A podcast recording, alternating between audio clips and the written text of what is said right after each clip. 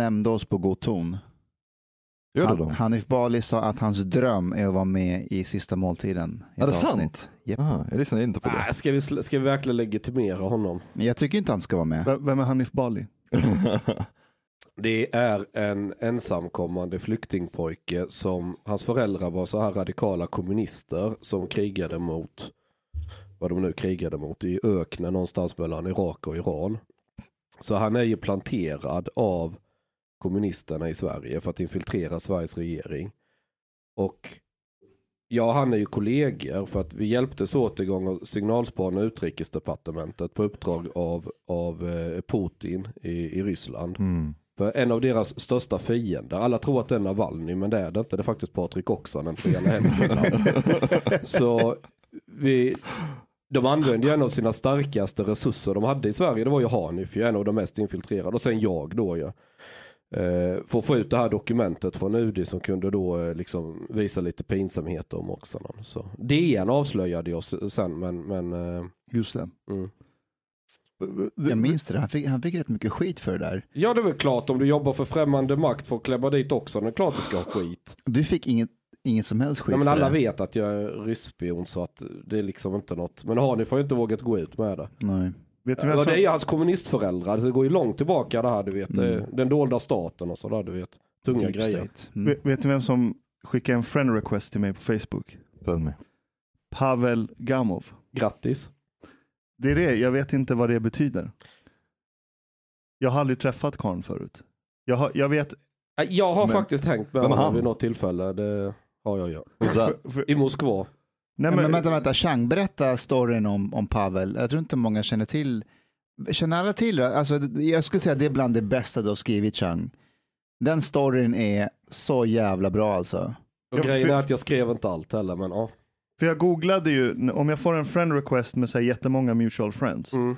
då googlar jag upp personen. För jag vill inte ha någon så här, kom, eh, vad heter det, kommentarstråd mongo. Nej men det Så jag, så jag googlar, så jag googlade Pavel Gamov, jag visste inte vem det var. Och Mm. första resultatet var du. Mm. Jag har känt honom, jag, fan, jag har känt honom sen eh, långt innan SD kom in i riksdagen. Alltså han, är ju, han, han var en riksdagsledamot för SD. För de som inte känner till honom. mm. Så, ja. Berätt, berätta storyn. Eh, Pav, oj alltså det här är en lång story. Pavel fick ett, eh, the short story. Någonting ballade ur psykiskt med Pavel. Alltså jag har känt honom länge och han var inte sig själv. Det var någonting som, något jävla skov. Eh, som om du är bipolär och du får ett väldigt uppåt skov, du vet, du ska ta över hela världen och han, han fattar liksom, du vet, det bara ballar ur. Och så hade ryssarna skickat en inbjudan, ryska staten, eh, till eh, de hade på chansning dragit det till alla riksdagsledamöter i SD.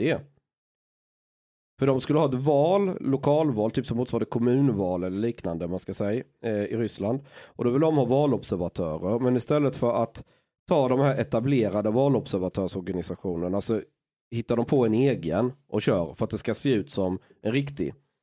Och då vill de ju, för att det ska bli då lite legitimitet i rysk media så vill man ju ha in folk från andra, gärna västländer. Och då, och då söker man bjuda in folk som man tror kan ha lite positivt öga till Ryssland. Och då var det ju väldigt mycket media, alla anklagade SD för att springa ryssars ärende. Det var ju mer bara ett politiskt spinn. Men det vet ju inte ryssarna. De tänkte ju att det här kanske, det kanske ligger en sanning i det. Så de skickade ju inbjudan till alla SD-ledamöter. Och det var ju ingen i SD som ville gå. Och det var, det var ingen i SD som ville gå på detta. Alla bara, fan är det här? Det, bara liksom, det hamnade i skräpet med alla andra jävla män. Förutom Pavel. Förutom Pavel. Men här är det mest bisarra. Pavel skiter ett stort stycke i ryska regimen. Han har inga varmare känslor för rysk. Han är född i Sovjet ju. Han är ju ryss från Han kan ju lite ryska, Pavel Gamov. Utan han såg en möjlighet. För det var så här att han gjorde alltid av med alla pengar. Trots en riksdagslön i hela skiten. Så han var ju konstant utan pengar. Ja det gick väl på knark och grejer. Jag vet inte vad fan han gjorde med det. Knark och horor och sådana där. Skulle jag, skulle jag gissa. Jag säger inte att det var så men jag gissar.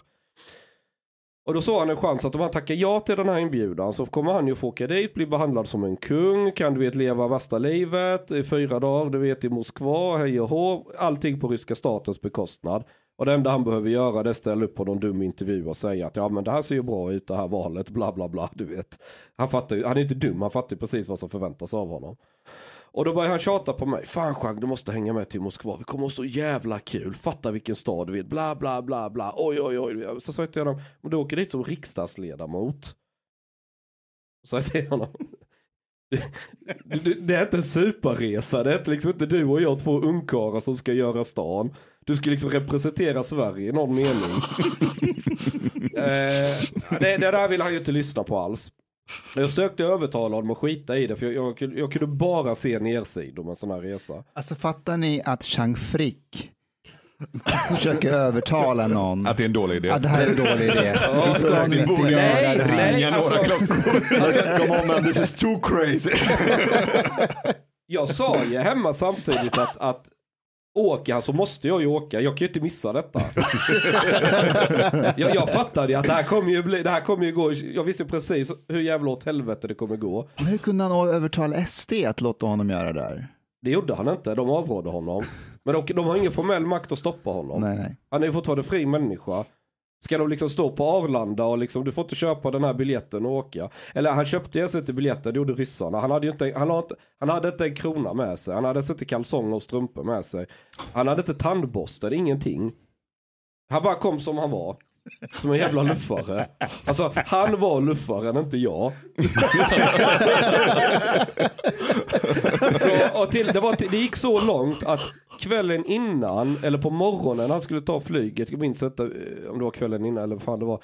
Så ringer jag till och med till Patrik Oksanen, för Oksanen är- tillhörde ju Uppsala tidning eller eh, vad fan det, eller om man bodde i Uppsala eller vad fan det var. Och sa till Patrik, kan du försöka snacka med Paul, förklarade läget. Jag tror inte det här är så jävla kosher egentligen att dra dit och lajva valobservatör. Och, och just då så var det ju som jättespänt mellan Ryssland och väst för det var ju anklagelser om de hade hackat valet i USA, vilket jag i och för sig tror är rätt överdrivet. Men, men du hade ju samtidigt situationen på Krim, östra Ukraina. Det var ju liksom, det var ju fan då var det ju verkligen liksom krigsförberedelse Mm. till fullskalig krigssituation. Och Syrien pågick ju, där ryssarna var inblandade. Så det, det var ju liksom, det var mycket på stake här. Och dra till Ryssland som poli, riksdagsman, politiker. och all- Alltså det var, ja, i den, nu är det kanske lite lugnare. Även om inte alla de här geopolitiska grejerna är lösta. Men skit i det. Han hamnar där. Och jag tar ett flyg senare, kommer dit. Jag lyckas fixa journalistvisum med så allting är i ordning med pappa och liksom. Och de här ryssarna vill ju inte ha mig där. De blir besvärade av att jag är där. För de De, vill- de, de som tar emot Pavel. Ja, Mm. de har, han har ju två stycken liksom, värdar. Mm. En, en, eh, eh, en tjej då, eh, och jag märker hon har väldigt lätt nerverna på utsidan. Och sen en annan som alltid är väldigt tyst i bakgrunden och eh, liksom inte speciellt finklädd heller. Bara så här casual. Du vet som ser ut som den här jeans du köper billigt på Ullared och så här. Han bara är där i bakgrunden som en fluga på väggen. Och jag mär- märker ju ett tag att det jävlar vad de har ögonen på mig för de undrar vem fan jag är som kommer och åker efter Pavel. Och han, han är redan där med sin politiska sekreterare som, som kan ryska. Mm. Som han håller på att ragga på för han vill spänna på henne men hon är inte så sugen. Så att det, ja, det är sån här, sån, man får läsa storyn. Men det slutar med att, för, för, för, för att komprimera det lite. Han gör en massa sjuka saker. Alltså riktigt sjuka saker. Eh, och detta är folket som jobbar direkt åt Putin. And this coming from you, Chang. I'm, I'm wondering what the fuck did he do? Bland annat så en natt så får, får han napp med två brudar, tar upp dem på den här svindyra baren på hotellet.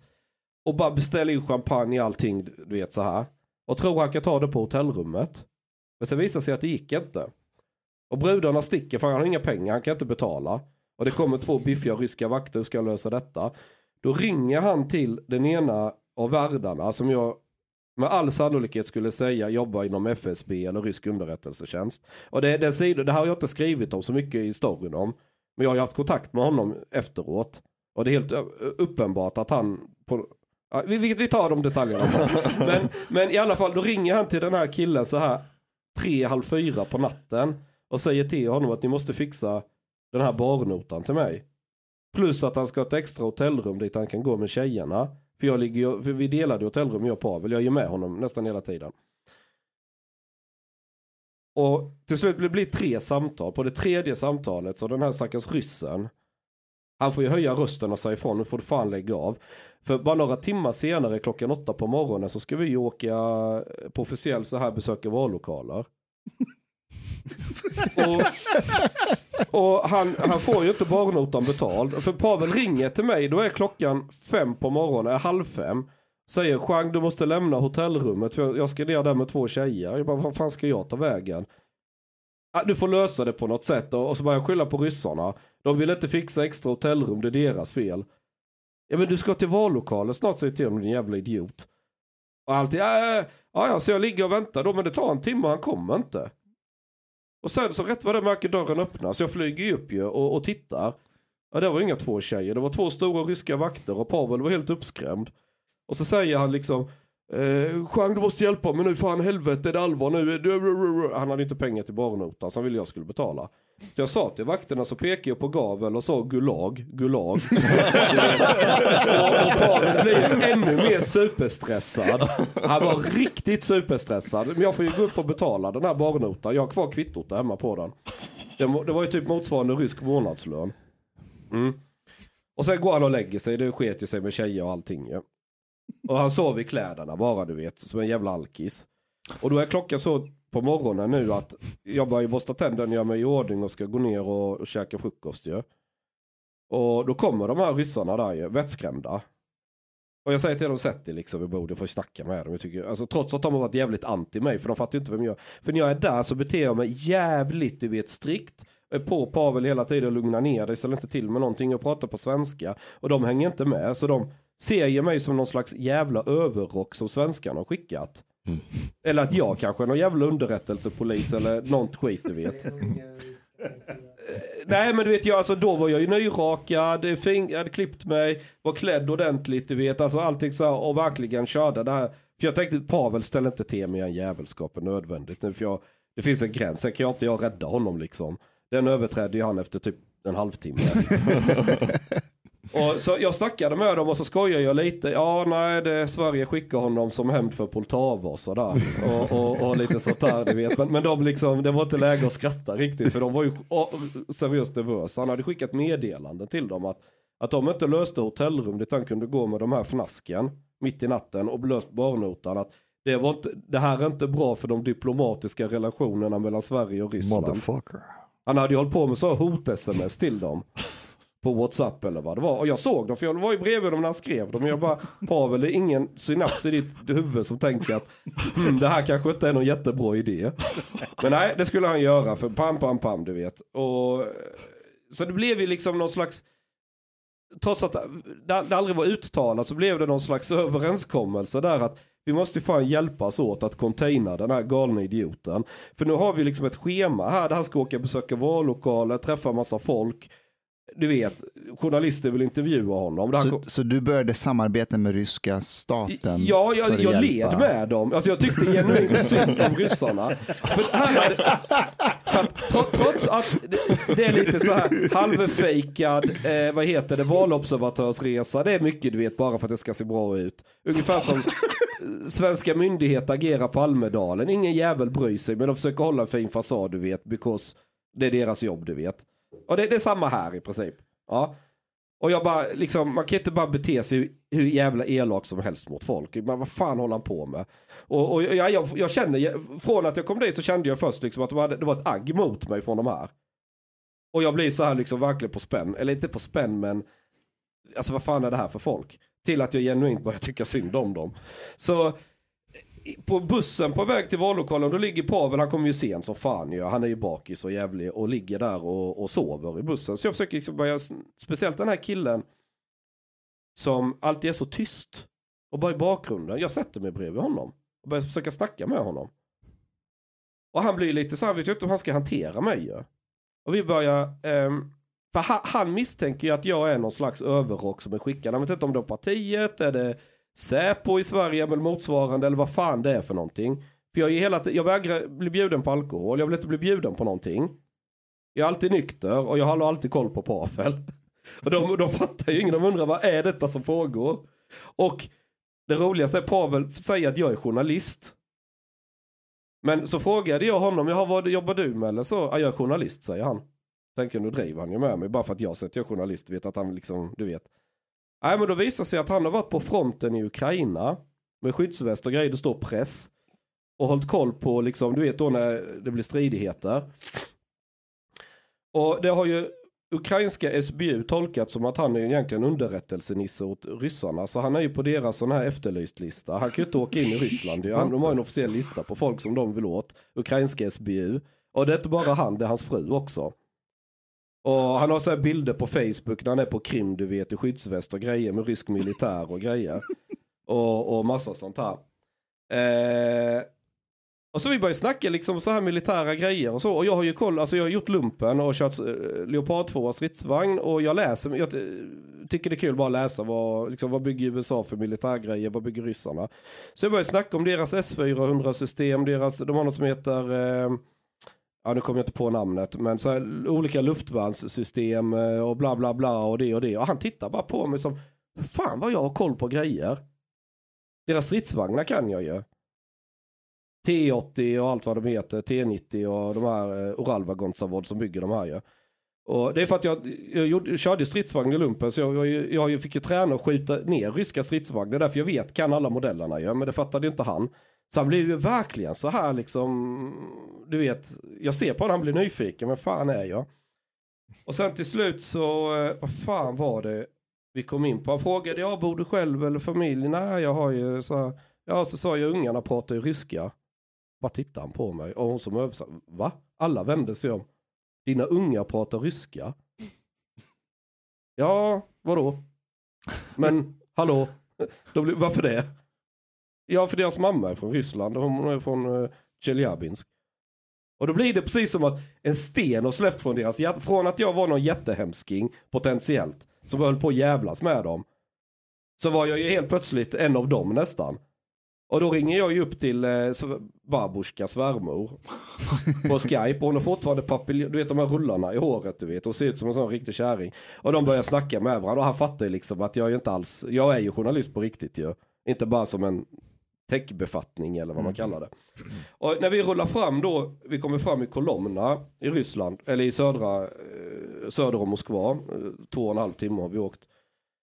Då står fucking borgmästaren där. De har rullat ut röda mattan. Det är ett band som spelar. Polisen står på rad. Du vet det här var ju storbesök nu från eh, svensk riksdagsledamot som ska komma och besöka deras. Du vet. Det står, och, och, och hela köret. Bussen stannar. Pavel ligger bakfull. Och han har haft samma kläder på sig i tre dygn eller fyra och sovit i kläderna. Orakad, stinker sprit, ögonen så här rödsprängda och en keps över huvudet. Och tagit av sig skorna och ligger med fötterna och strumporna som är liksom vikta lite över tårna. Och, och har upp i fönstret. Så han såg ju ut som någon slags jävla lodis vi plockat upp på vägen bara. Och, det, och, alla liksom bara Pavel, vi, vi ska ut, du, du får skärpa till dig. Nej, jag stannar kvar i bussen, jag ska sova, säger han. Han vägrar gå ut. För han har ont i huvudet och bakfull. Och där står ju alla och väntar. Och det blir så här jätteorolig situation i bussen. Vad fan ska vi göra? Vi har ingen tid, vi måste lösa det. Och Jag hör dem diskutera på ryska allihopa. Och Pavels pre- pressekreterare, som var anställd av SD då ju. Hon är också all in bara för att hjälpa ryssarna. För hon, hon var ju liksom så här, man beter sig fan inte så här. Skitsamma vad man tycker om ryska regimen, men någon fucking anständighet får det ändå visa. Och till slut så blir det liksom, jag märker att de diskuterar och de börjar kastas blickar mot mig. Jag sitter fortfarande längst bak i bussen. Och jag bara, jag får ingen bra magkänsla av detta. Sen kommer frågan från henne. Chang, kan du gå ut och låtsas vara Pavel? och där bryter jag första delen i storyn. Ja, just det. Ja. Men Så- du, när den här storyn kom ut sen Ja. så, så minns jag att det, att det rådde en så här förvirring i Sverige bland journalister och medier. Så här, vänta, var placerar vi Chang Frick nu? Därför att alla älskade ju storyn. Mm. Du var ju inte, inte ond längre, men man var så här, varför skriver han det här? Varför, varför pratar han skit om SD? Minns du det där? Ja, det tyckte jag nästan var nästan roligare än storyn i sig. Det är för folk är så efterblivna. De kan inte bara fatta att har jag en bra story så skriver jag det så skiter väl jag i vem som är skottavlan. Det är de som är mycket mer politiskt orienterade över vad som är känsligt Mm. att skriva eller inte. Men de ser det inte själva utan de tror att det är Är du med? Mm, De, mm. de, de, de, lägg- de, lä- de projicerar det på mig. Mm. Mm. Hur, var, hur var reaktionerna från SD? Eller SD-människor? alltså, de, alltså, de, de garvade ju, men alltså fan ska de reagera? Mm. Alltså det här, den här tröskeln du vet, att passera för att bli av med alla riksdagsuppdrag och allting. Den passerade han efter typ första halvtimmen. Resten av de tre, fyra dygnen vi var där, det blir bara kom komedi av det ju. Och jag har ju inte skrivit allt i den här berättelsen. Det finns ju vissa bitar som jag är utelämnad för jag tänkte det blir för mycket. Mm. Jag, jag, kan ju droppa, jag kan ju droppa en grej ju. Kör. Sista kvällen vi är där, då har jag ju hunnit bli ganska bra polare med ryssarna för att vi har, jag har ju liksom verkligen, vi har ju alla fått ofrivillig team effort, bara containa Pavel från att ställa till jävla skandaler. Ändå så ställde han till en del scener. Mm. Trots alla ansträngningar.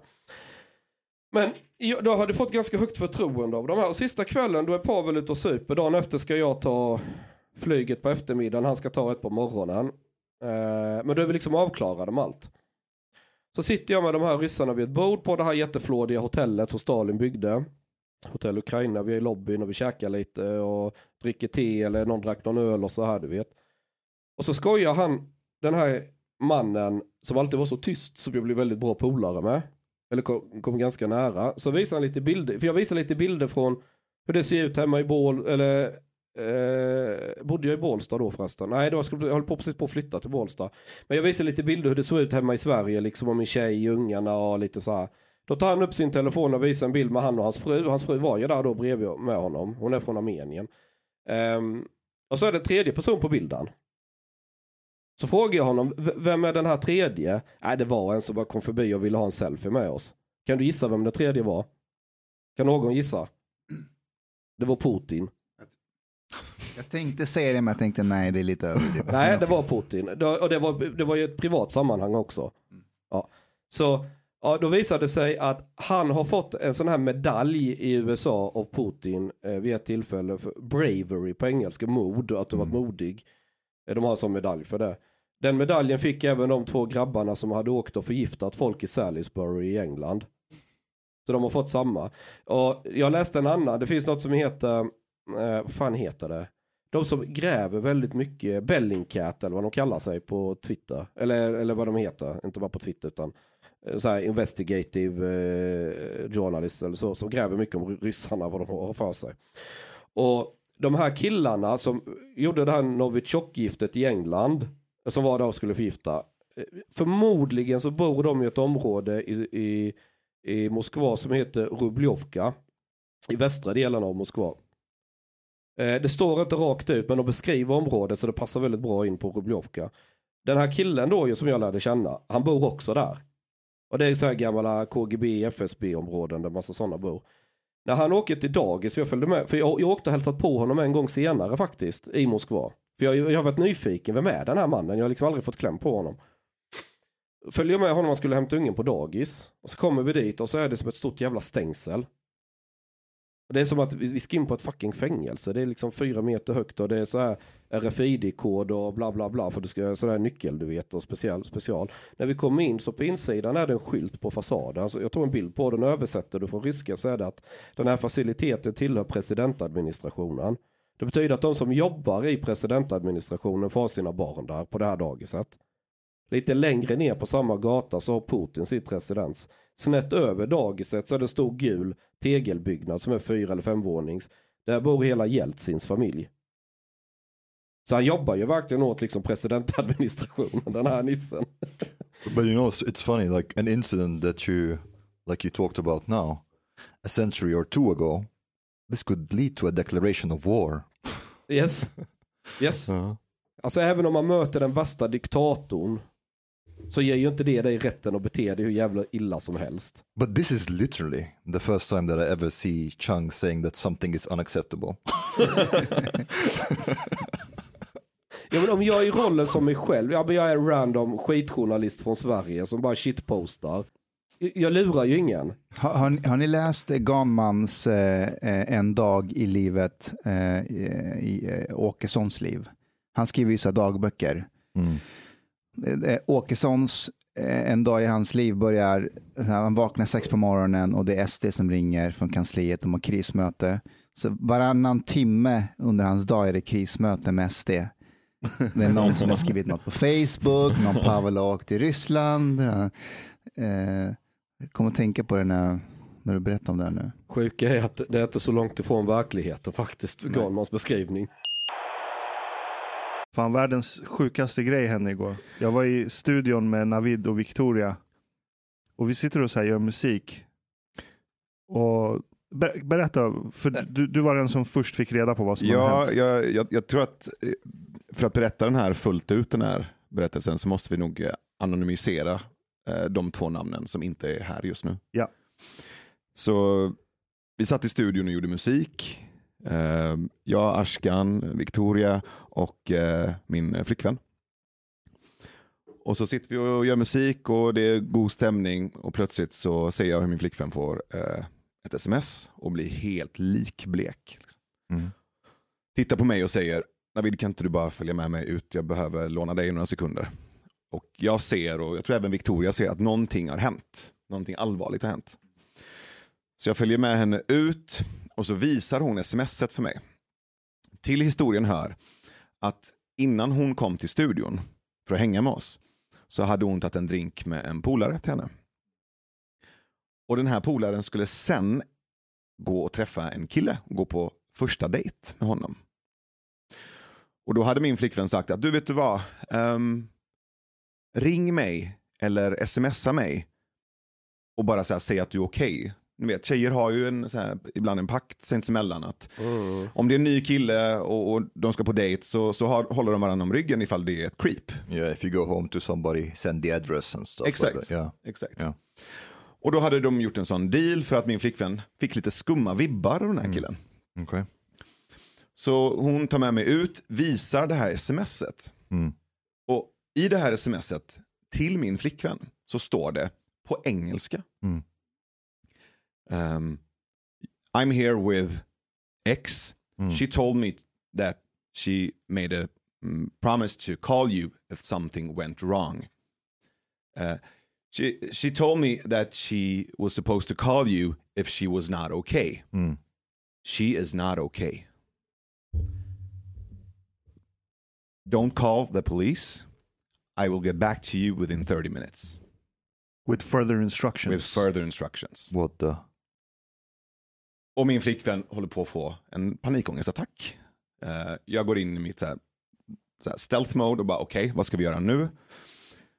Och hon säger vi kan väl inte ringa polisen? Jag säger det, ex- vi måste göra det, det är det enda vi kan göra just nu. Vi måste ringa polisen. Och så kommer vi in och så säger jag till uh, Ashkan och Victoria att eh, okej hörni, vi måste bryta musikproduktionen. Det är lite krisläge nu. Mm. Eh, det här har hänt. Och så börjar vi prata, varpå Ashkan säger vi ringer Mustafa eller Hanif Mm. och kollar vad vi ska göra. Ehm, jag är på väg att ringa 112, uh, pausar.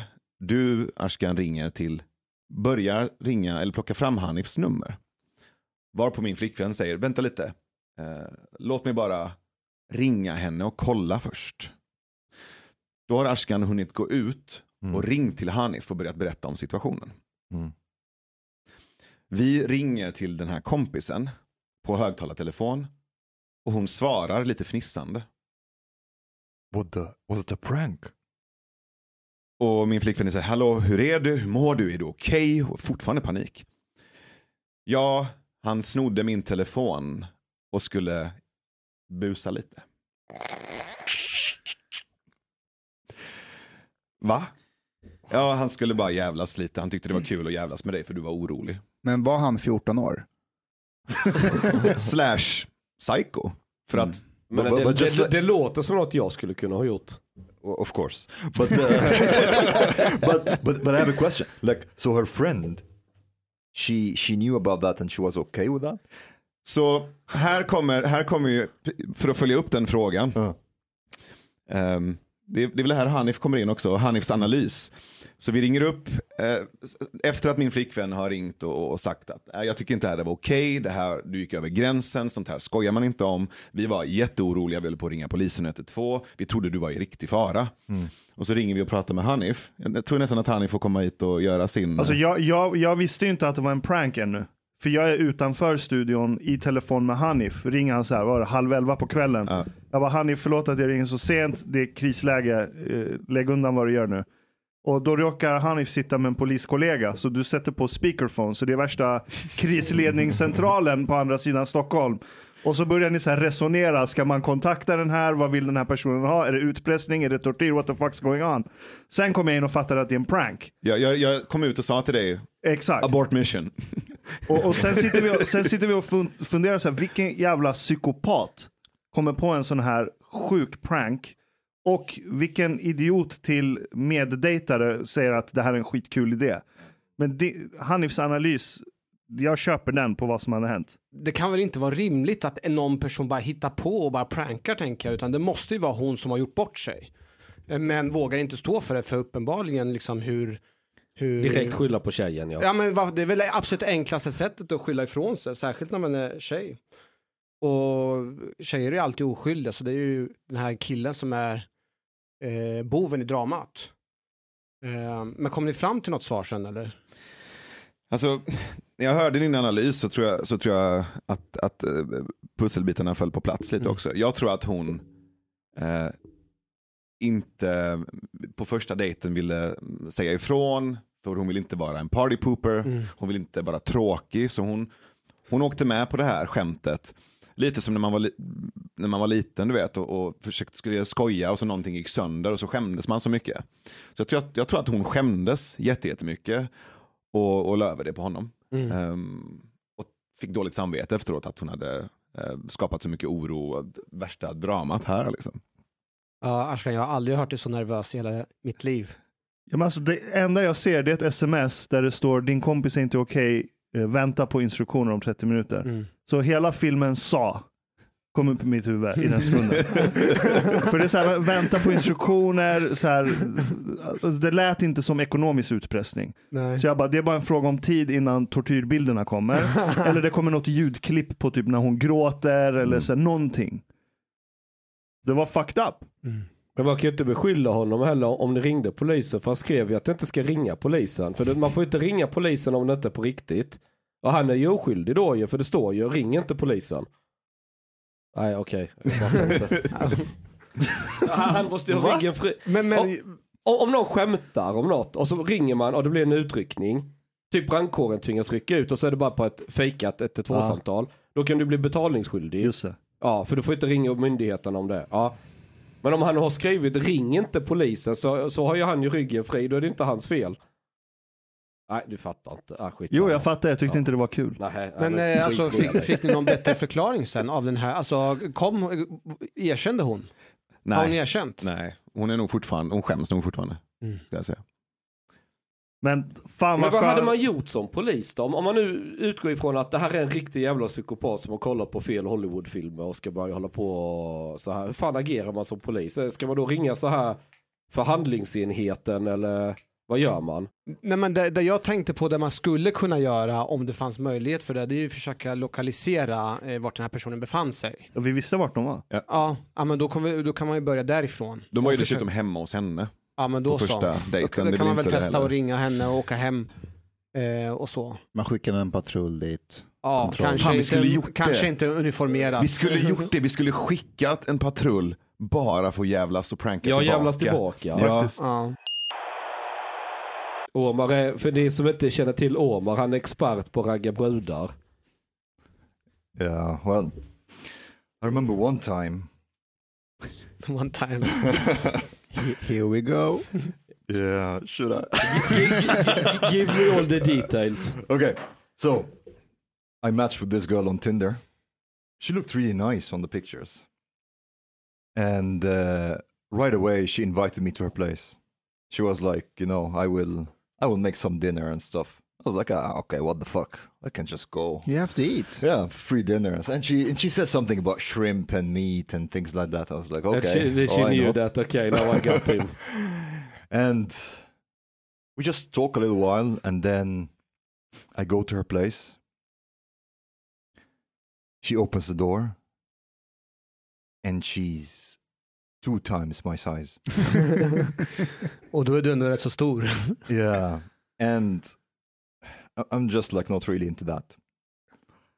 You, you can always try. It wouldn't have gone. 140 kilos of pure love. But uh, so I was okay. That was not very good, and she doesn't really look like the pictures either. So I was all right. What should I do now? It seems a bit rude to just say, "Well, no, I'm not interested," and so I'm having like my my thought process, and then it was interrupted by the smell of food. the food smelled really good.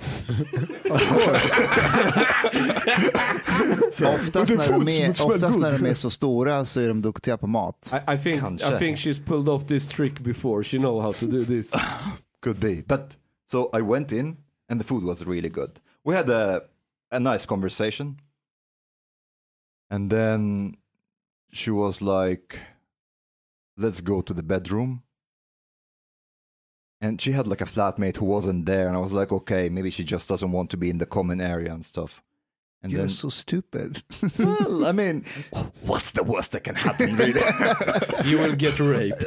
Nej, det är han som är araben. Kolla här, I här, cannot här kan vi lära oss av kvinnor. Du borde haft Mustafa. Liksom, att Mustafa skickat sms till dig, kolla är han okej? Att Mustafa hörde av sig till dig, kolla det finns en lärdom i det här. Fast, fast nej, nej, nej, det här som är grejen. Om han hade hört av sig till mig och sagt att han har fastnat i ett rum med en De kon kontakta inte polisen. jag, jag hade ju stängt av min mobiltelefon, lagt mig i sängen och asgarvat hela kvällen. Det hade inte funkat med killar, den pakten funkar bara med tjejer. Yeah, and I was like, okay, let's just like go along and see, because what's the worst that can happen, really? So we go there and we're sitting in bed, and we're sitting like basically I chose the spot in the bed that is furthest away from her. Vad, vad ska det spela för, eh, för roll? Men det är ett tecken. Det är, Att det- inte han vill, han är ändå hemma, han är, Han är i lägger sätter sig i sängen. Yeah, Vad är det för tecken? Han är arab, alla för, du vet araber. Anyways, so we're talking and stuff, and she was like, "Okay, do you want to come sit next to me here?" I was like, "Uh, "No, not really. I think I think I have to go." Then I'm going, and she's like, she looked like she was going to cry. I felt like really bad actually. Um, yeah, so that that was one story about going to someone's place on the first date. Never a good idea. Men vi, kan, vi kan väl gå laget runt där. Hur hade, ni, hur hade ni gjort? Hade ni stannat kvar och fullföljt? Vadå, eh, Ja. Så här Biståndsknull liksom? ja. ja, Hon har ju bjudit på mat, jag har ätit maten, du är hemma hos henne. ja, ett knull kan det ju vara But värt. I, I don't think I would have been able to get it up. Mm. Men jag har, jag har grejer för det. Uh, vet vi it att still du har, it still needs some kind of like Nej, jag har grejer för det. stimulation. No. Men om man, vi har ju Jag har med diskuterat, mig en hemlig present, det hjälper dig. ja, det, All right. har med en hemlig present igen. Ja. Ja. Prova den. Chang har med sig Kiwa Kirin. Nej, du får läsa här. Där. Eh, en gram gel innehåller 20 milligram testosteron.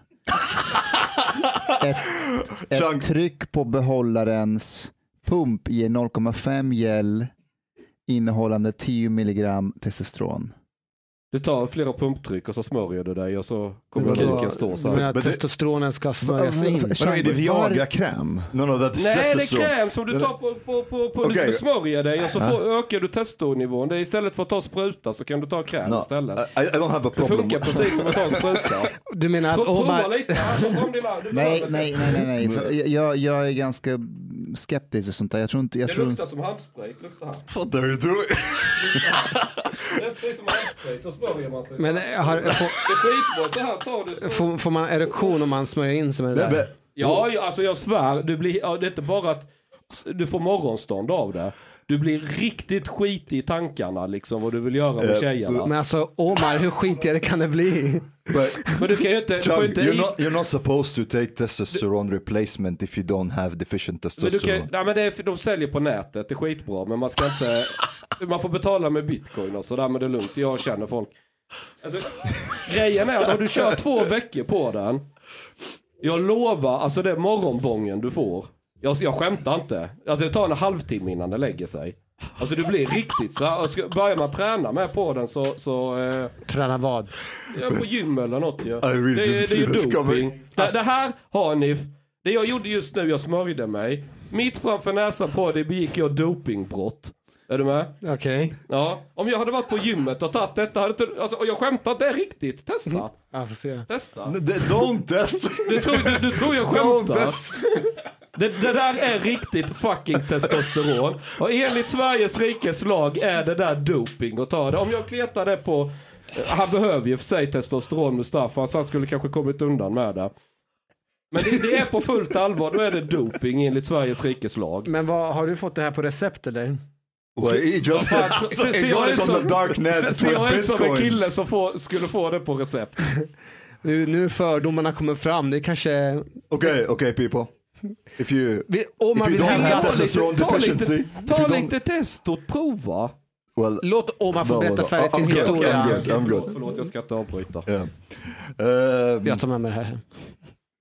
yeah, but like I was saying, going to someone's place directly. I mean, it's totally fine if you meet outside and then go to somebody's place. But going to somebody's place without seeing them, that's not a good Det är idea. Never a good idé. idea. Jag tror att man ska alltid börja med en kaffe första gången. Uh, or a drink or whatever. Mm. En, kaffe, en kaffe kan jag ta alltid mellan en kvart till två timmar. Två timmar avgör mig själv. Mm. Men Ja. en kvart, nej tack, hej, så st- sticker man. Jag har också hamnat hemma hos en väldigt kraftig en tjej med kraftig benstomme. Som det heter. Det var på den här Happy Pancake när jag var singel i Stockholm. Så hade jag börjat chatta där med någon brud och så ville hon träffa sig och så träffade jag henne. Och hon höll på så här mycket om poesi och grejer så jag höll ju på att citera du vet så här Karin Boye och sån där skit ju bara för att impa på henne. Så hon var ju helt jävla betuttad i mig. Och då var jag ju fortfarande, eh, jag hade ens inte flyttat till Stockholm, jag var fortfarande ordförande för SDU med. Och givetvis när jag träffade henne typ i Tantolunden, något, hon är ju så vänster så man bara, hon är ju till vänster om Stalin. Du vet så här riktig jävla och så överviktig och feminist och hela köret. Men jag bara spelar med du vet och spelar teater, är jättegullig och allting och bara, bara, bara så hon ska dra med mig hem då ja. Vi sitter hemma hos henne och dricker kaffe och sådär och och så fort hon nämner någonting som har med politik så kan jag ju svara och jag kan namedroppa, jag har koll på alla möjliga. Och hon blir så här, fan håller du, är du aktiv i politik eller något? Ja det kan man säga. Jaha, vad, vad är du då? Nej, jag är distriktsordförande i SDU Syd sådär. Jag är med i SD och sådär. Bara, äh, men, bara, håll inte, det, man, man skämtar inte om sånt, det är rätt allvarliga saker. ah, ja, förlåt. Och så, ja, men du kan ju googla mig. Så googlar hon och ser bild på mig och ser att det verkligen är sant i SDU. Och det var, innan det så hade vi kommit in lite på någon diskussion om att det så, man måste öppna gränser, måste släppa in alla i sitt hem. Eller släppa in alla i, till, till, till, i Sverige. Och jag bara, men det funkar ju inte i längden och sådär. Men hon såg att jag verkligen var med i gäster. Det blev så jävla vansinnig och ville kasta ut mig direkt. Alltså porslinet bokstavligen flög. Sa jag till henne, nej. Nu tänker jag parkera mig i din soffa och kräva att du ska betala för mitt husrum och mat och mitt eh, eh uppehälle. Och hon fattade liksom inte. Ja men det är den politiken du vill ha mot afghaner och alla som kommer hit. Så nu stannar jag i din lägenhet här. Trots att du egentligen ogillar mig så in i helvete. För då får du väl stå upp för vad, vad du själv propagerar. Alltså jag skojar inte. Det flög alltså verkligen. Alltså hon kastade bokstavligen all möjlig skit och kunde hitta efter mig i hallen. Det bara porslinet, det bara så, krossades bak ryggen på mig mot väggen. Jag bara, helvete jag måste ta beteckning. Så jag fick ju gå ut därifrån, det gick ju inte. Du sittstrejkar alltså på första dejten? Nej, jag, för, ja, jag försökte när hon hade slagit ihjäl mig. Jag har aldrig sett, helvete vad arg hon var. Att du inte tog med dig Mustafa dit då?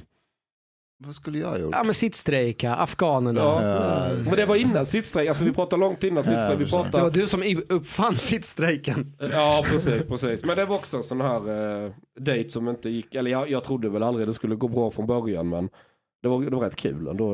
Men det var inte utseendet som var problemet utan det var hennes åsikter. Nej men alltså hon tittar ju på mig så tänker hon, ja en sån här invandrare, åh vad, du vet det är lite exotiskt och Mm. Det har hänt mig en annan gång på Dova, så här vid Fridhemsplan, jag satt med en polare, han var ju bodybuilder så här ju.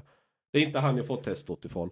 Men, men eh, eh, och så kommer det ett gäng feministtjejer och de börjar snacka med oss och frågar vem jag är. Jag förklarar att jag är min mamma är judinna och farsan zigenare och sådär. Jag ska fortsätta det här skämtet men kommer ens inte så långt. För då tar hon min hand och så tar den mot så jag håller min hand så här liksom i sin hand och riktigt tittar mig djupt i ögonen. Du måste gå med i, i Feministiskt initiativ. Vi, vi är till för sådana som dig. För dig som är rasi- du är rasifierad. Du vet, och så här direkt ska börja. Titta henne djupt i ögonen tillbaka. Ja, jag tycker nu du ska, jag ty, det är nu som det är rätt tillfälle att du ska googla mitt namn. Och hon fattar ingenting och gör det. Samma grejer igen, då tar hon en vas med blommor i.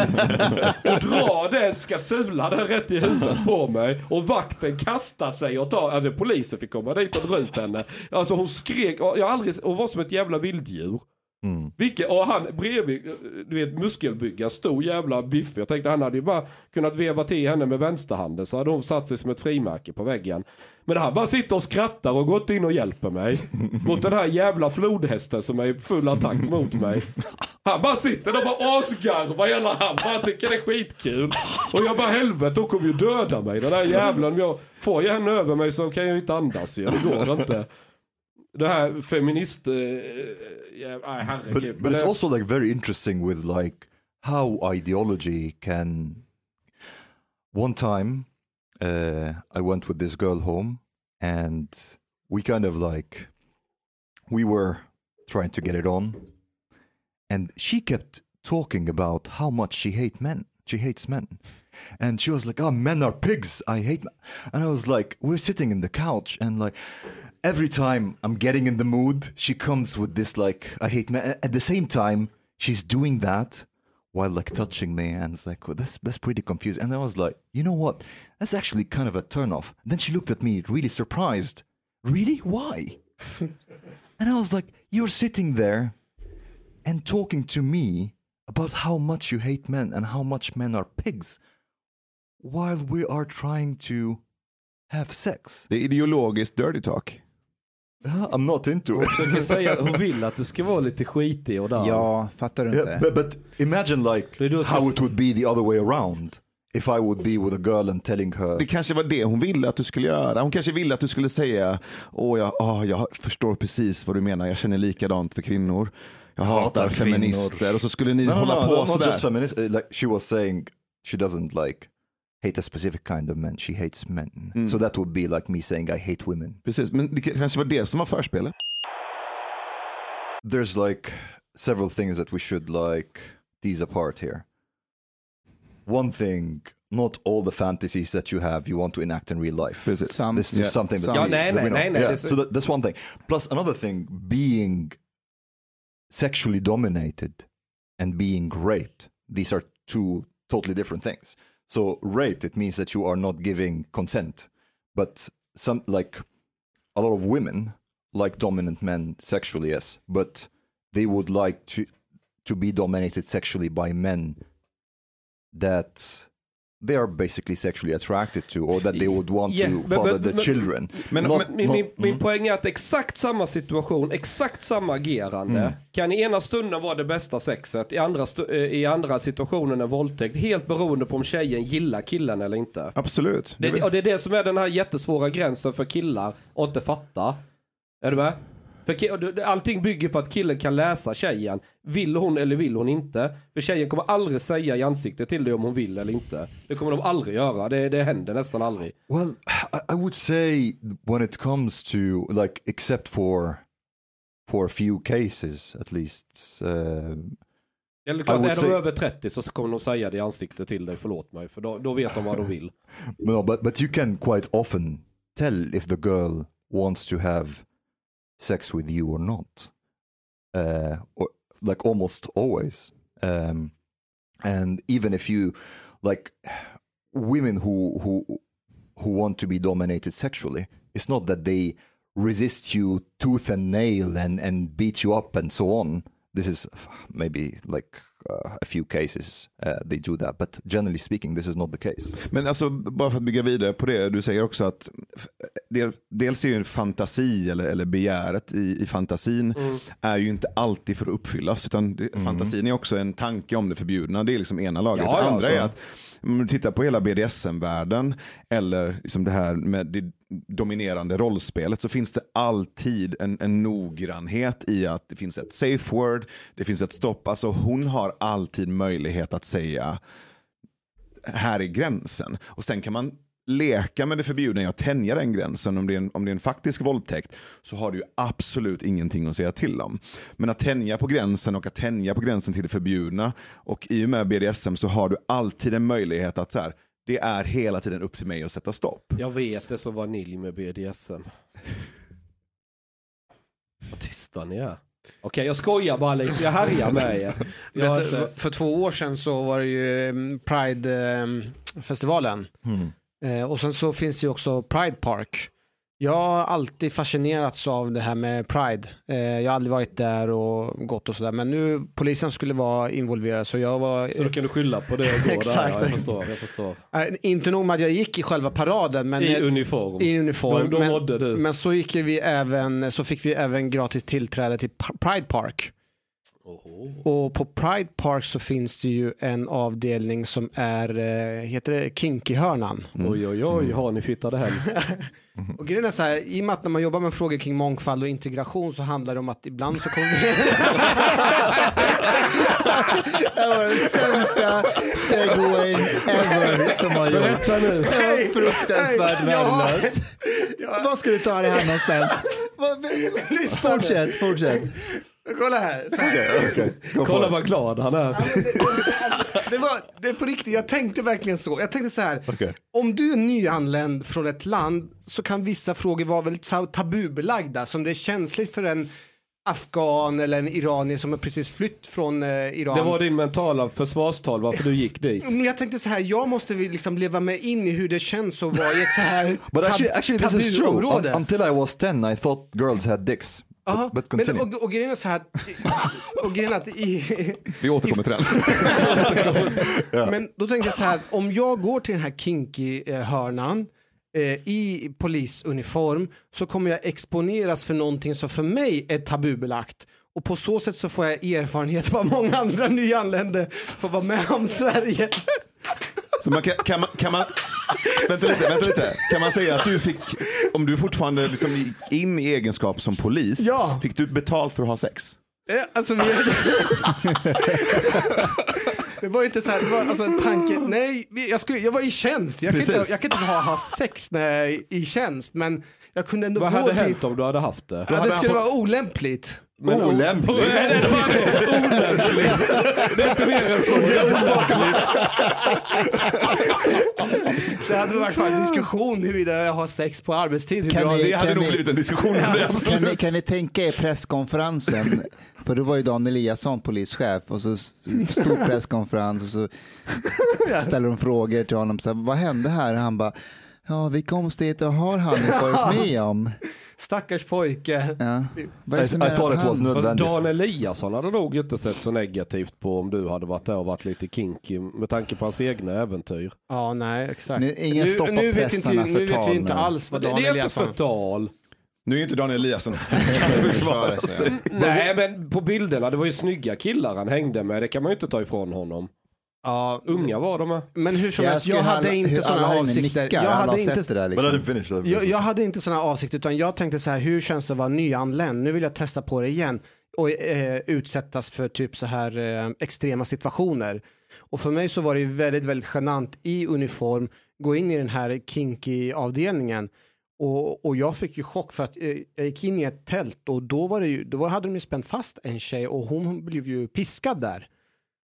Och, och jag var där i uniform. Så- Alltså det var så... Det And var så like out with the handcuffs. Alltså, men det var en tjej som, alltså utanför så träffade på några tjejer också, de, det gick nästan för dem att se mig i uniform.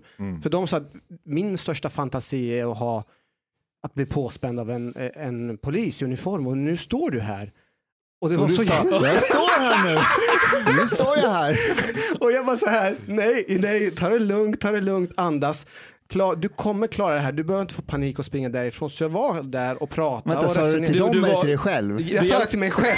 Du, du, hjälpte henne, du hjälpte henne att komma där alltså. Nej, nej, nej, jag tog det bara lugnt. Så här, liksom bara, jag sa ingenting, jag, jag bara liksom gick därifrån alltså. Du gjorde det? Ja. Hur- Efter hur lång Alltså tid? jag vände på mig och gick från den konversationen, så gick jag till en annan avdelning och då var det massa...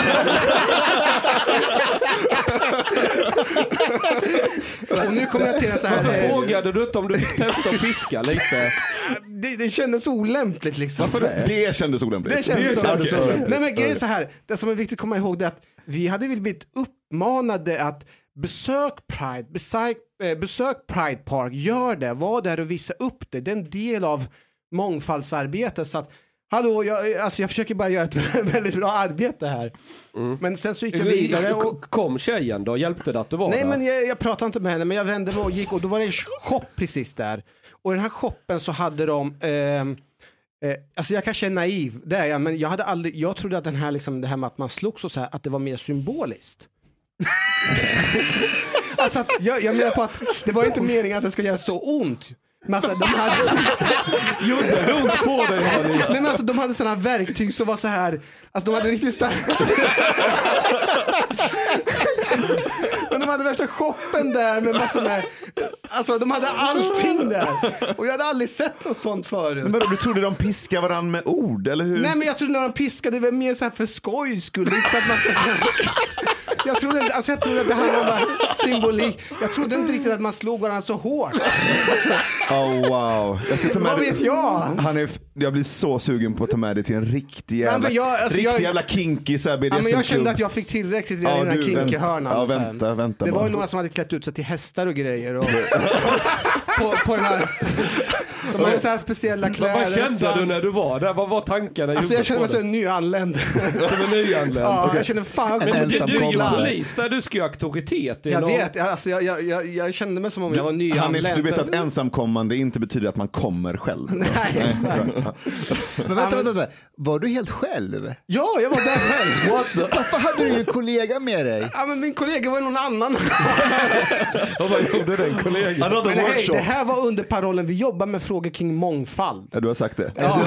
Vi, vi är övertygade. eller? But, Du but guys, I, have a question. I have a question. When do you remember at what point in your lives you discovered that girls don't have dicks? Jag har aldrig trott att Dude. tjejer skulle ha... Eh, Okay, inte jag well, heller. aldrig. Like one year old. How old were you? Men vi tror att det är ett år så tänker inte jag på sen. Hur smutsig tror du att jag är? okay, so nobody, nobody knows really. Ja, men du, du, sätter en, du trodde Ja, att men om, tjejer man, om man hade... aldrig från början har trott att de har en snopp. Exakt. Alltså, Så- jag så- har... Vem fan är I så dum och tror Yeah, det? but, but that's the thing. Like, okay, if you really haven't seen any girl or any woman naked, why would the, would you think that they are any different down there? Därför, Like det, you- är, därför det är de överallt annars. Ansiktet, hår, Yeah, sätt att vara... But what? Why would the thought would come to your mind as a child Jag vet. vi that har- vi- girls don't have a dick if you yourself have a dick? You, you, you understand what I mean? Mm. Like if you've never heard about vaginas and never seen any woman or girl naked, why would you would you think that Men, they are ha, not the same? hur gick det till när du upptäckte det? Hur gammal var du? Tio? Ja, tio. Hur gick det till när du upptäckte det? Uh, I think it was at school, and I kind of like mentioned it in class, and everybody was like, You should not be in Omar. our class. You should be in a special "Omar, class. uh, girls, girls don't have dick. Yeah, girls don't have dicks." And I was like, "What? How do they pee?" that was the thought in my mind. But like, this is also interesting that uh, in a lot of like very sexually conservative countries, these things they are not talked about. You don't see people naked. That's not something that you. Ja, det säger inte ens i simhallarna, alltså när man No, byter no, no. om. Så. Even actually you don't see anybody like even in uh, in in the gym or like in the swimming pool. Men de andra i din klass visste det. Det var ju faktiskt bara du. Uh, yeah, well, I don't know if everybody like the the those who I talked to. I didn't Okay. like I was not open to it with everybody in class, but uh, there are I've met also girls who come from Somalia who had zero knowledge about sex. Right. They thought I, I know a girl who one time kissed a guy. And she went around for quite a long period of time thinking that she got pregnant Mm. Because she doesn't know how sex works. Uh, and it's it's also it's it can be like really surreal. Uh, and I didn't like know about sex at all until I was eleven. It was my my cousin who told me about it. Ja, det var då du provade på eller? So my co- my, my aunt Med is a bit kusinen. no no no. Uh, he's a guy. Du är inte så mycket arab nej. He- he's a guy, so I'm like, Jaha. Och Uh, well, you come from Afghanistan. uh, it's something different there. But anyway, so it was my aunt. She's a little bit more progressive, so to speak. So I remember my cousin we are the same age, me and my cousin. And he came to me and said, Oma, do you know where babies come from? And I was like, yeah. A woman marries a man and then Allah send, sends them a baby. And he was like, no, it's not how it happens.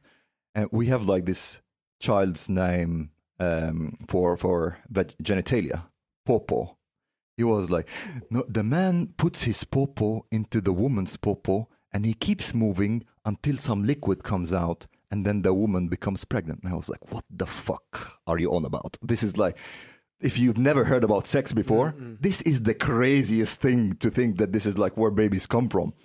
And then right away, after he left, I went to my father and I was like, Dad, I need to speak to you. is it true that where babies come from is that the man puts his popo into the woman's popo and he keeps moving until some liquid comes out and the woman becomes pregnant? Then my father, he looked at me and was like, Who told you this? I was like, ah, Oh, Walid, my cousin.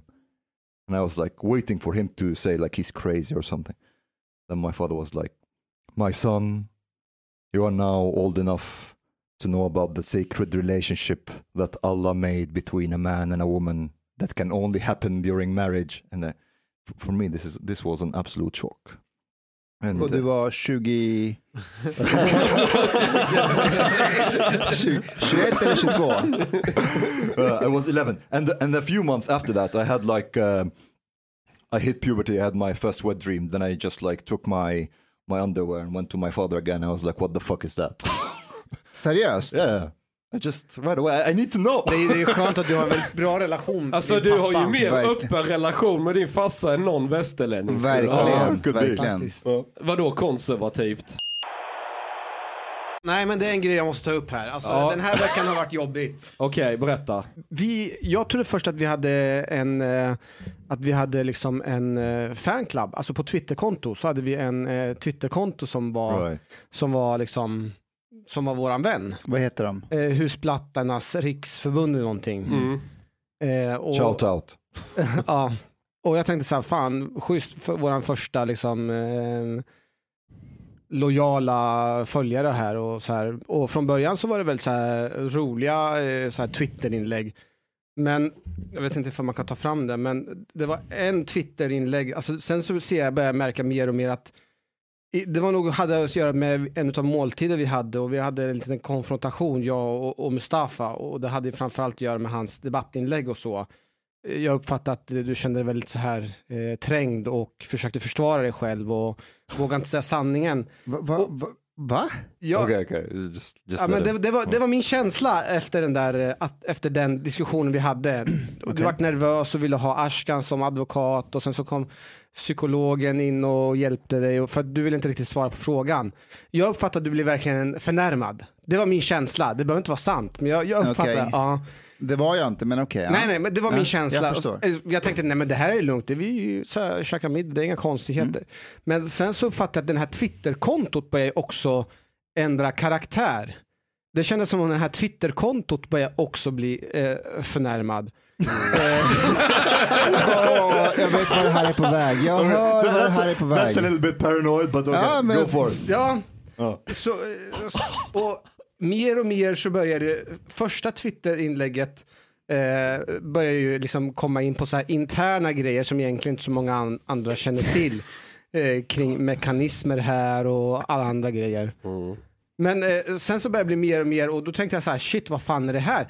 Tills en dag så ser jag att det är någon som har postat en fucking jävla bild på min mamma. Det här är typiska tecken på rysk signalspaning. Ja, och jag tänkte så här, jag tänkte så här, vem fan, vem fan kan sjunka så här lågt? Vem kan sjunka så lågt? And, the first idea that came to your mind, Mustafa. Jag? Jag tänkte först, det måste vara, först jag tänkte så här, det måste vara, Mustafa, nej, sen tänkte jag, nej, Mustafa är min vän. Han skulle,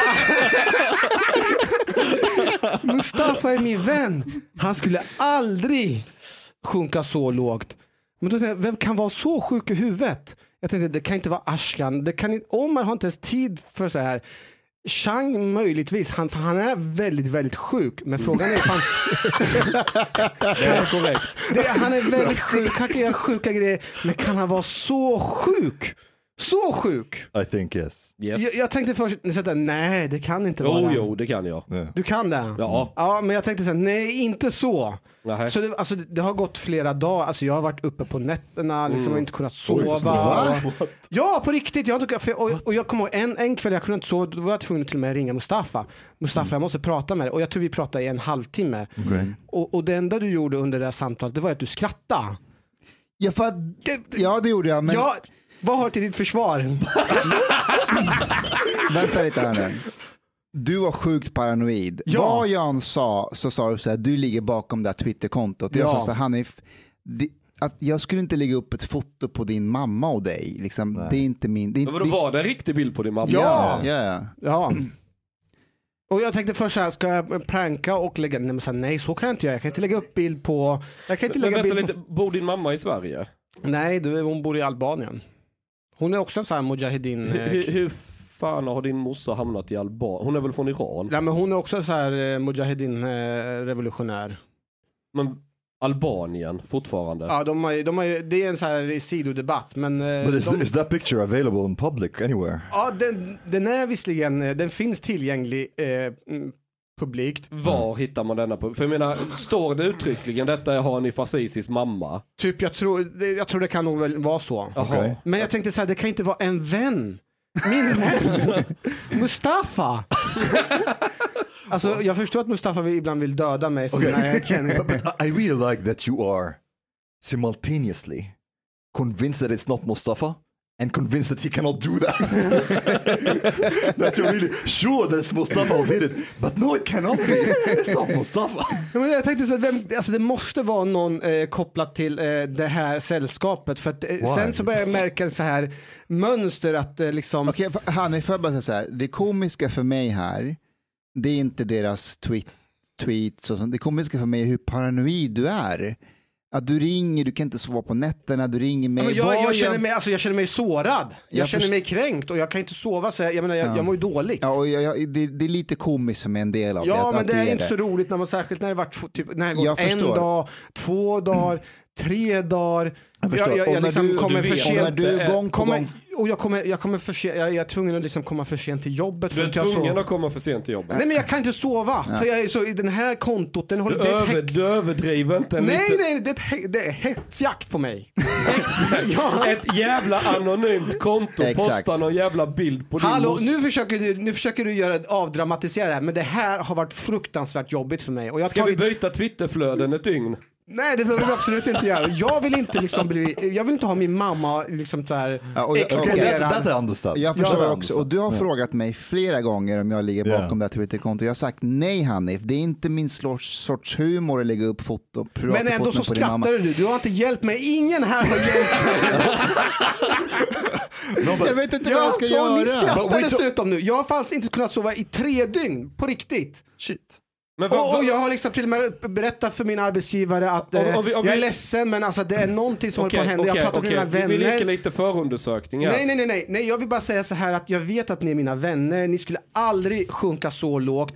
Eh, Jo, jag skulle, Nej, men ändå så, det har påverkat mig så mycket och jag är desperat nu. Det är tre dygn som jag inte kunnat Men- sova men, vi- ordentligt. om vi lugnar oss lite här. Nej, jag, jag, det- alltså, vi, behöver inte, vi behöver inte lugna ner oss. Jag behöver bara säga att så här, det här har varit en jobbig vecka för mig. jag Ja, har jag mått så förstår det. dåligt. Men om vi, varför? Tre dygn, tre dygn. Fanns det någon förklaring i den här tweeten varför det lades upp en bild på din mamma? Det var ju något skämt. Kontexten? Vad Det, var... det spe- nej, man lägger Jo, inte ut nej, en men bild. vänta nu, vänta nu, här. nu försöker, ja, man, man lägger inte ut en bild på någons mamma. Uppenbarligen gör man ju det Nej, för det ligger ju uppenbarligen gör man inte. Ja, men vänta, vänta. Så jag ska bara säga, eh, inlägget på Twitter var ju så här, det är ett foto på dig och din mamma när ni håller om varandra. Vem gör så? Jag förstår, jag förstår. Och så, och Vem är så sjuk? Hur kan man vara så sjuk i Ja, huvudet och du göra grej? nu. Berätta nu och Mustafa, varför la du upp bilden nu? bredvid det fotot så är ett foto på dig från idag, då är det Tre polis. dygn! Det var tre dygn! Tyst, låt han förklara varför Ja, han la det- upp bilden jag vill inte ha- jag kan- kontot som han inte You har have to med att take göra. responsibility for your feelings. Ja, faktiskt. Ta, okej. Så, så det är jag som ska ta ansvar? Ja, Yes. men Hanif. For your Vänta, feelings, vänta, är yes. det jag som ska ta ansvar? Tre dygn? På Yes, riktigt? for your feelings. Ja, don't don't dina- let anybody affect you that way. Ingen annan har ansvar utom jag. Det är jag som har ansvar. Det är jag som har blivit utsatt. Du blir lite utsatt. Ja, tre dygn. Det, du vet, det finns en så här, vad heter det, brottsofferjour, eller vad heter Jag det har, till och med, jag har till och med faktiskt pratat med, med, med min gruppchef Martin Malmgren. Och vi har, eh, vi har faktiskt till och med gjort en polisanmälan. Ni har gjort det? Ja, det är helt Bra. Bra. Okej, Mustafa. När du la upp den här bilden, vad var kontexten? Ja, som sagt, jag, jag tror Martin att det är jag förresten. Jag, jag, har Jag bara, lovar att Martin Marmien jag har- tror att det är jag. Nej, jag, jag säger bara att det har gått långt. Jag har bara tagit en riktig diskussion med er. Jag har trott att ni är mina vänner. Jag hade en lång diskussion med Mustafa.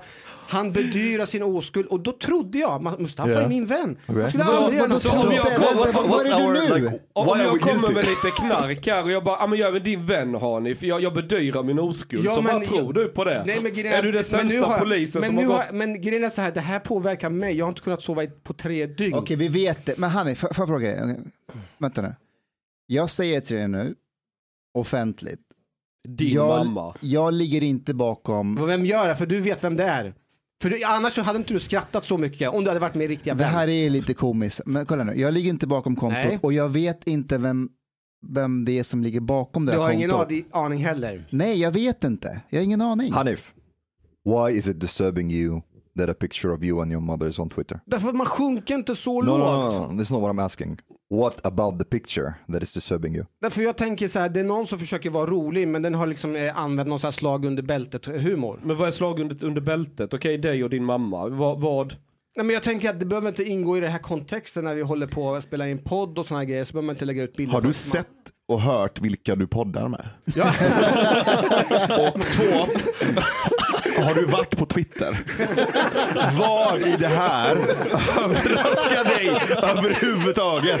det är att, vad fan man lägger in. Men vänta lite, vänta lite. Du, Jo du, men alltså jag uppfattar att den här, först var det här ett konto för att hylla oss. Det var ju, tanken var ju att det här kontot skulle hylla oss, tänkte jag. Men inte att liksom gå till personliga angrepp. jag, när jag lyssnade på konversationen så slog det mig vem det här, vem det här är. Och jag är 100% säker på att det är den här personen. Aha. Alltså om man kollar på det här kontot, Husplattornas riksförbund. Det, det är en väldigt internet-savvy människa som Ja. ligger bakom det här. Så det är inte Hanif. Du kan inte ens hantera emojis. så, så, för jag, Eller trodde, Twitter. jag trodde först det var du, för, så att du startade det för att jävlas med oss och sen låtsas vara offer. Sen, men det är för internet-savvy, det går Okej. inte. You people are really paranoid. Den här, den här personen liksom sitter och gräver fram saker. Så det är en person som är van med att sitta på internet och gräva fram de sjukaste detaljerna. kan kan, kan det vara någon som har erfarenhet av signalspaning? Jag är helt säker på att det är Hanif Bali. För de, de lyssnar ju på, de lyssnar ju på don't oss när vi snackar. Ja, men jag tror inte att det är han. Och så här, hur, hur kan vi splittra dem och förstöra hela deras relation? What the fuck?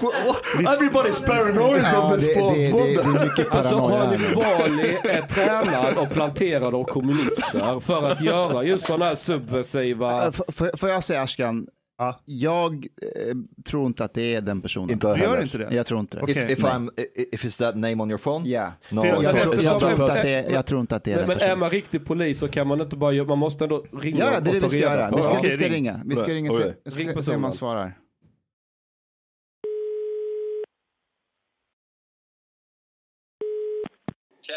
Tjena. Du, du är med i podden nu. Ja. Så här är det, vi har suttit och spekulerat här hela gänget om vem det är som ligger bakom kontot Husplattarnas riksförening.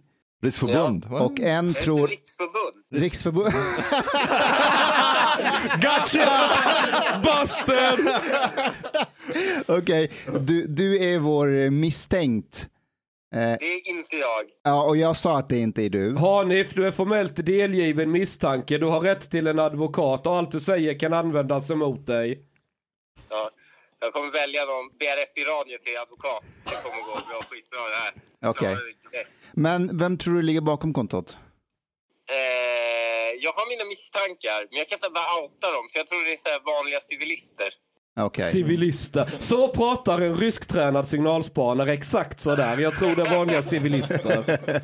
Vad så ni vet. Nej, men alltså det är ett otroligt bra konto. Det var bra konto till någon som har börjat att trakassera mig. Alltså, så här är det. Hanif Azizi är eh, rätt ledsen. Han har inte kunnat sova på tre dagar. Alltså på riktigt. För att de la upp ett foto på hans mamma.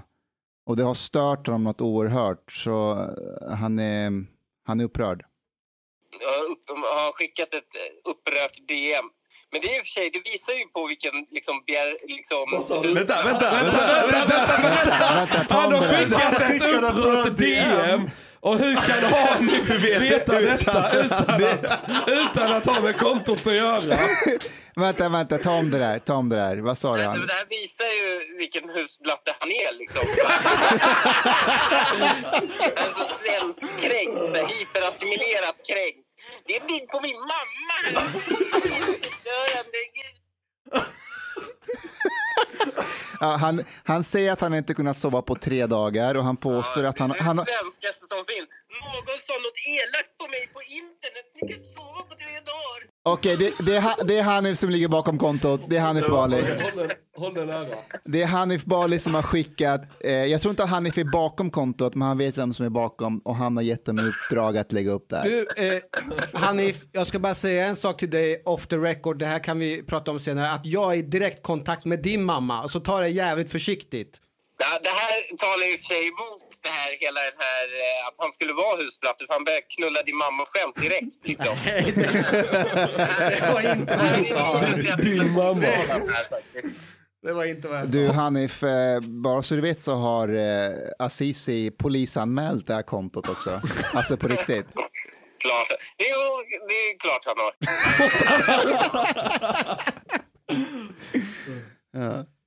Vi får väl fortsätta att investigera i, utreda det här. Ja, vi får fortsätta. Ja, men, eh, tack, Kan, tack. kan Hanif berätta vad, det där, vad som stod i det där DMet som Hanif absolut inte har läst? Vilket är. Du sa. Too late, too Jag har late, ingen aning Hanif, vad du pratar om. Inga kommentarer. Ja. Ja, men du Hanif, tack för din tid. Ja, det är bra. Ja, bra. Hej. Hej. Jag sa jag var team Ashkan i detta. Wow. Alltså en, en, en Okej. shitpostare känner igen en annan shitpost. Ja, men vänta, vänta, vänta, vänta. Han ligger fortfarande inte bakom det. No, I think you just have Men han har, han Men han, har, han har läst D, vilka han, DM som han, kommer har in. skick, han vet vilka det kan vara och så har han Vilka skickat det ett kan DM till vara. Han har dem. tillgång till Det är fucking så DM. Kaiser Sös av honom att säga så. fast vänta.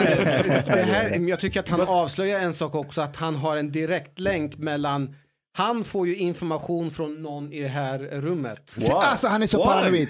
Jag skulle, du du vänta, vänta. Varför har han fått DM? Vad är det för DM han snackar om? Vem har gett honom DM? Du skulle- skickat ett DM till...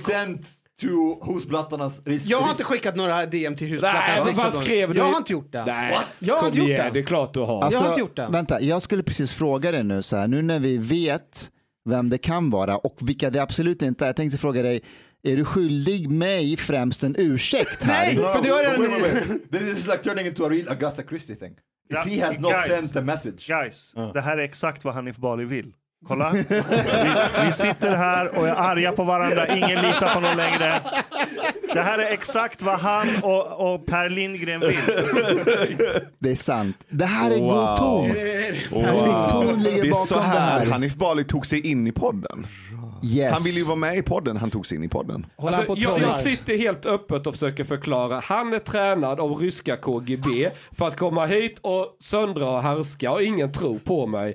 Fucking DN skrev på första sidan och jag och han signalspanade UD för att klämma åt Oksanen. Ingen vill tro på det. Ändå så upprep modus operandi en gång till och folk bara skrattar åt det.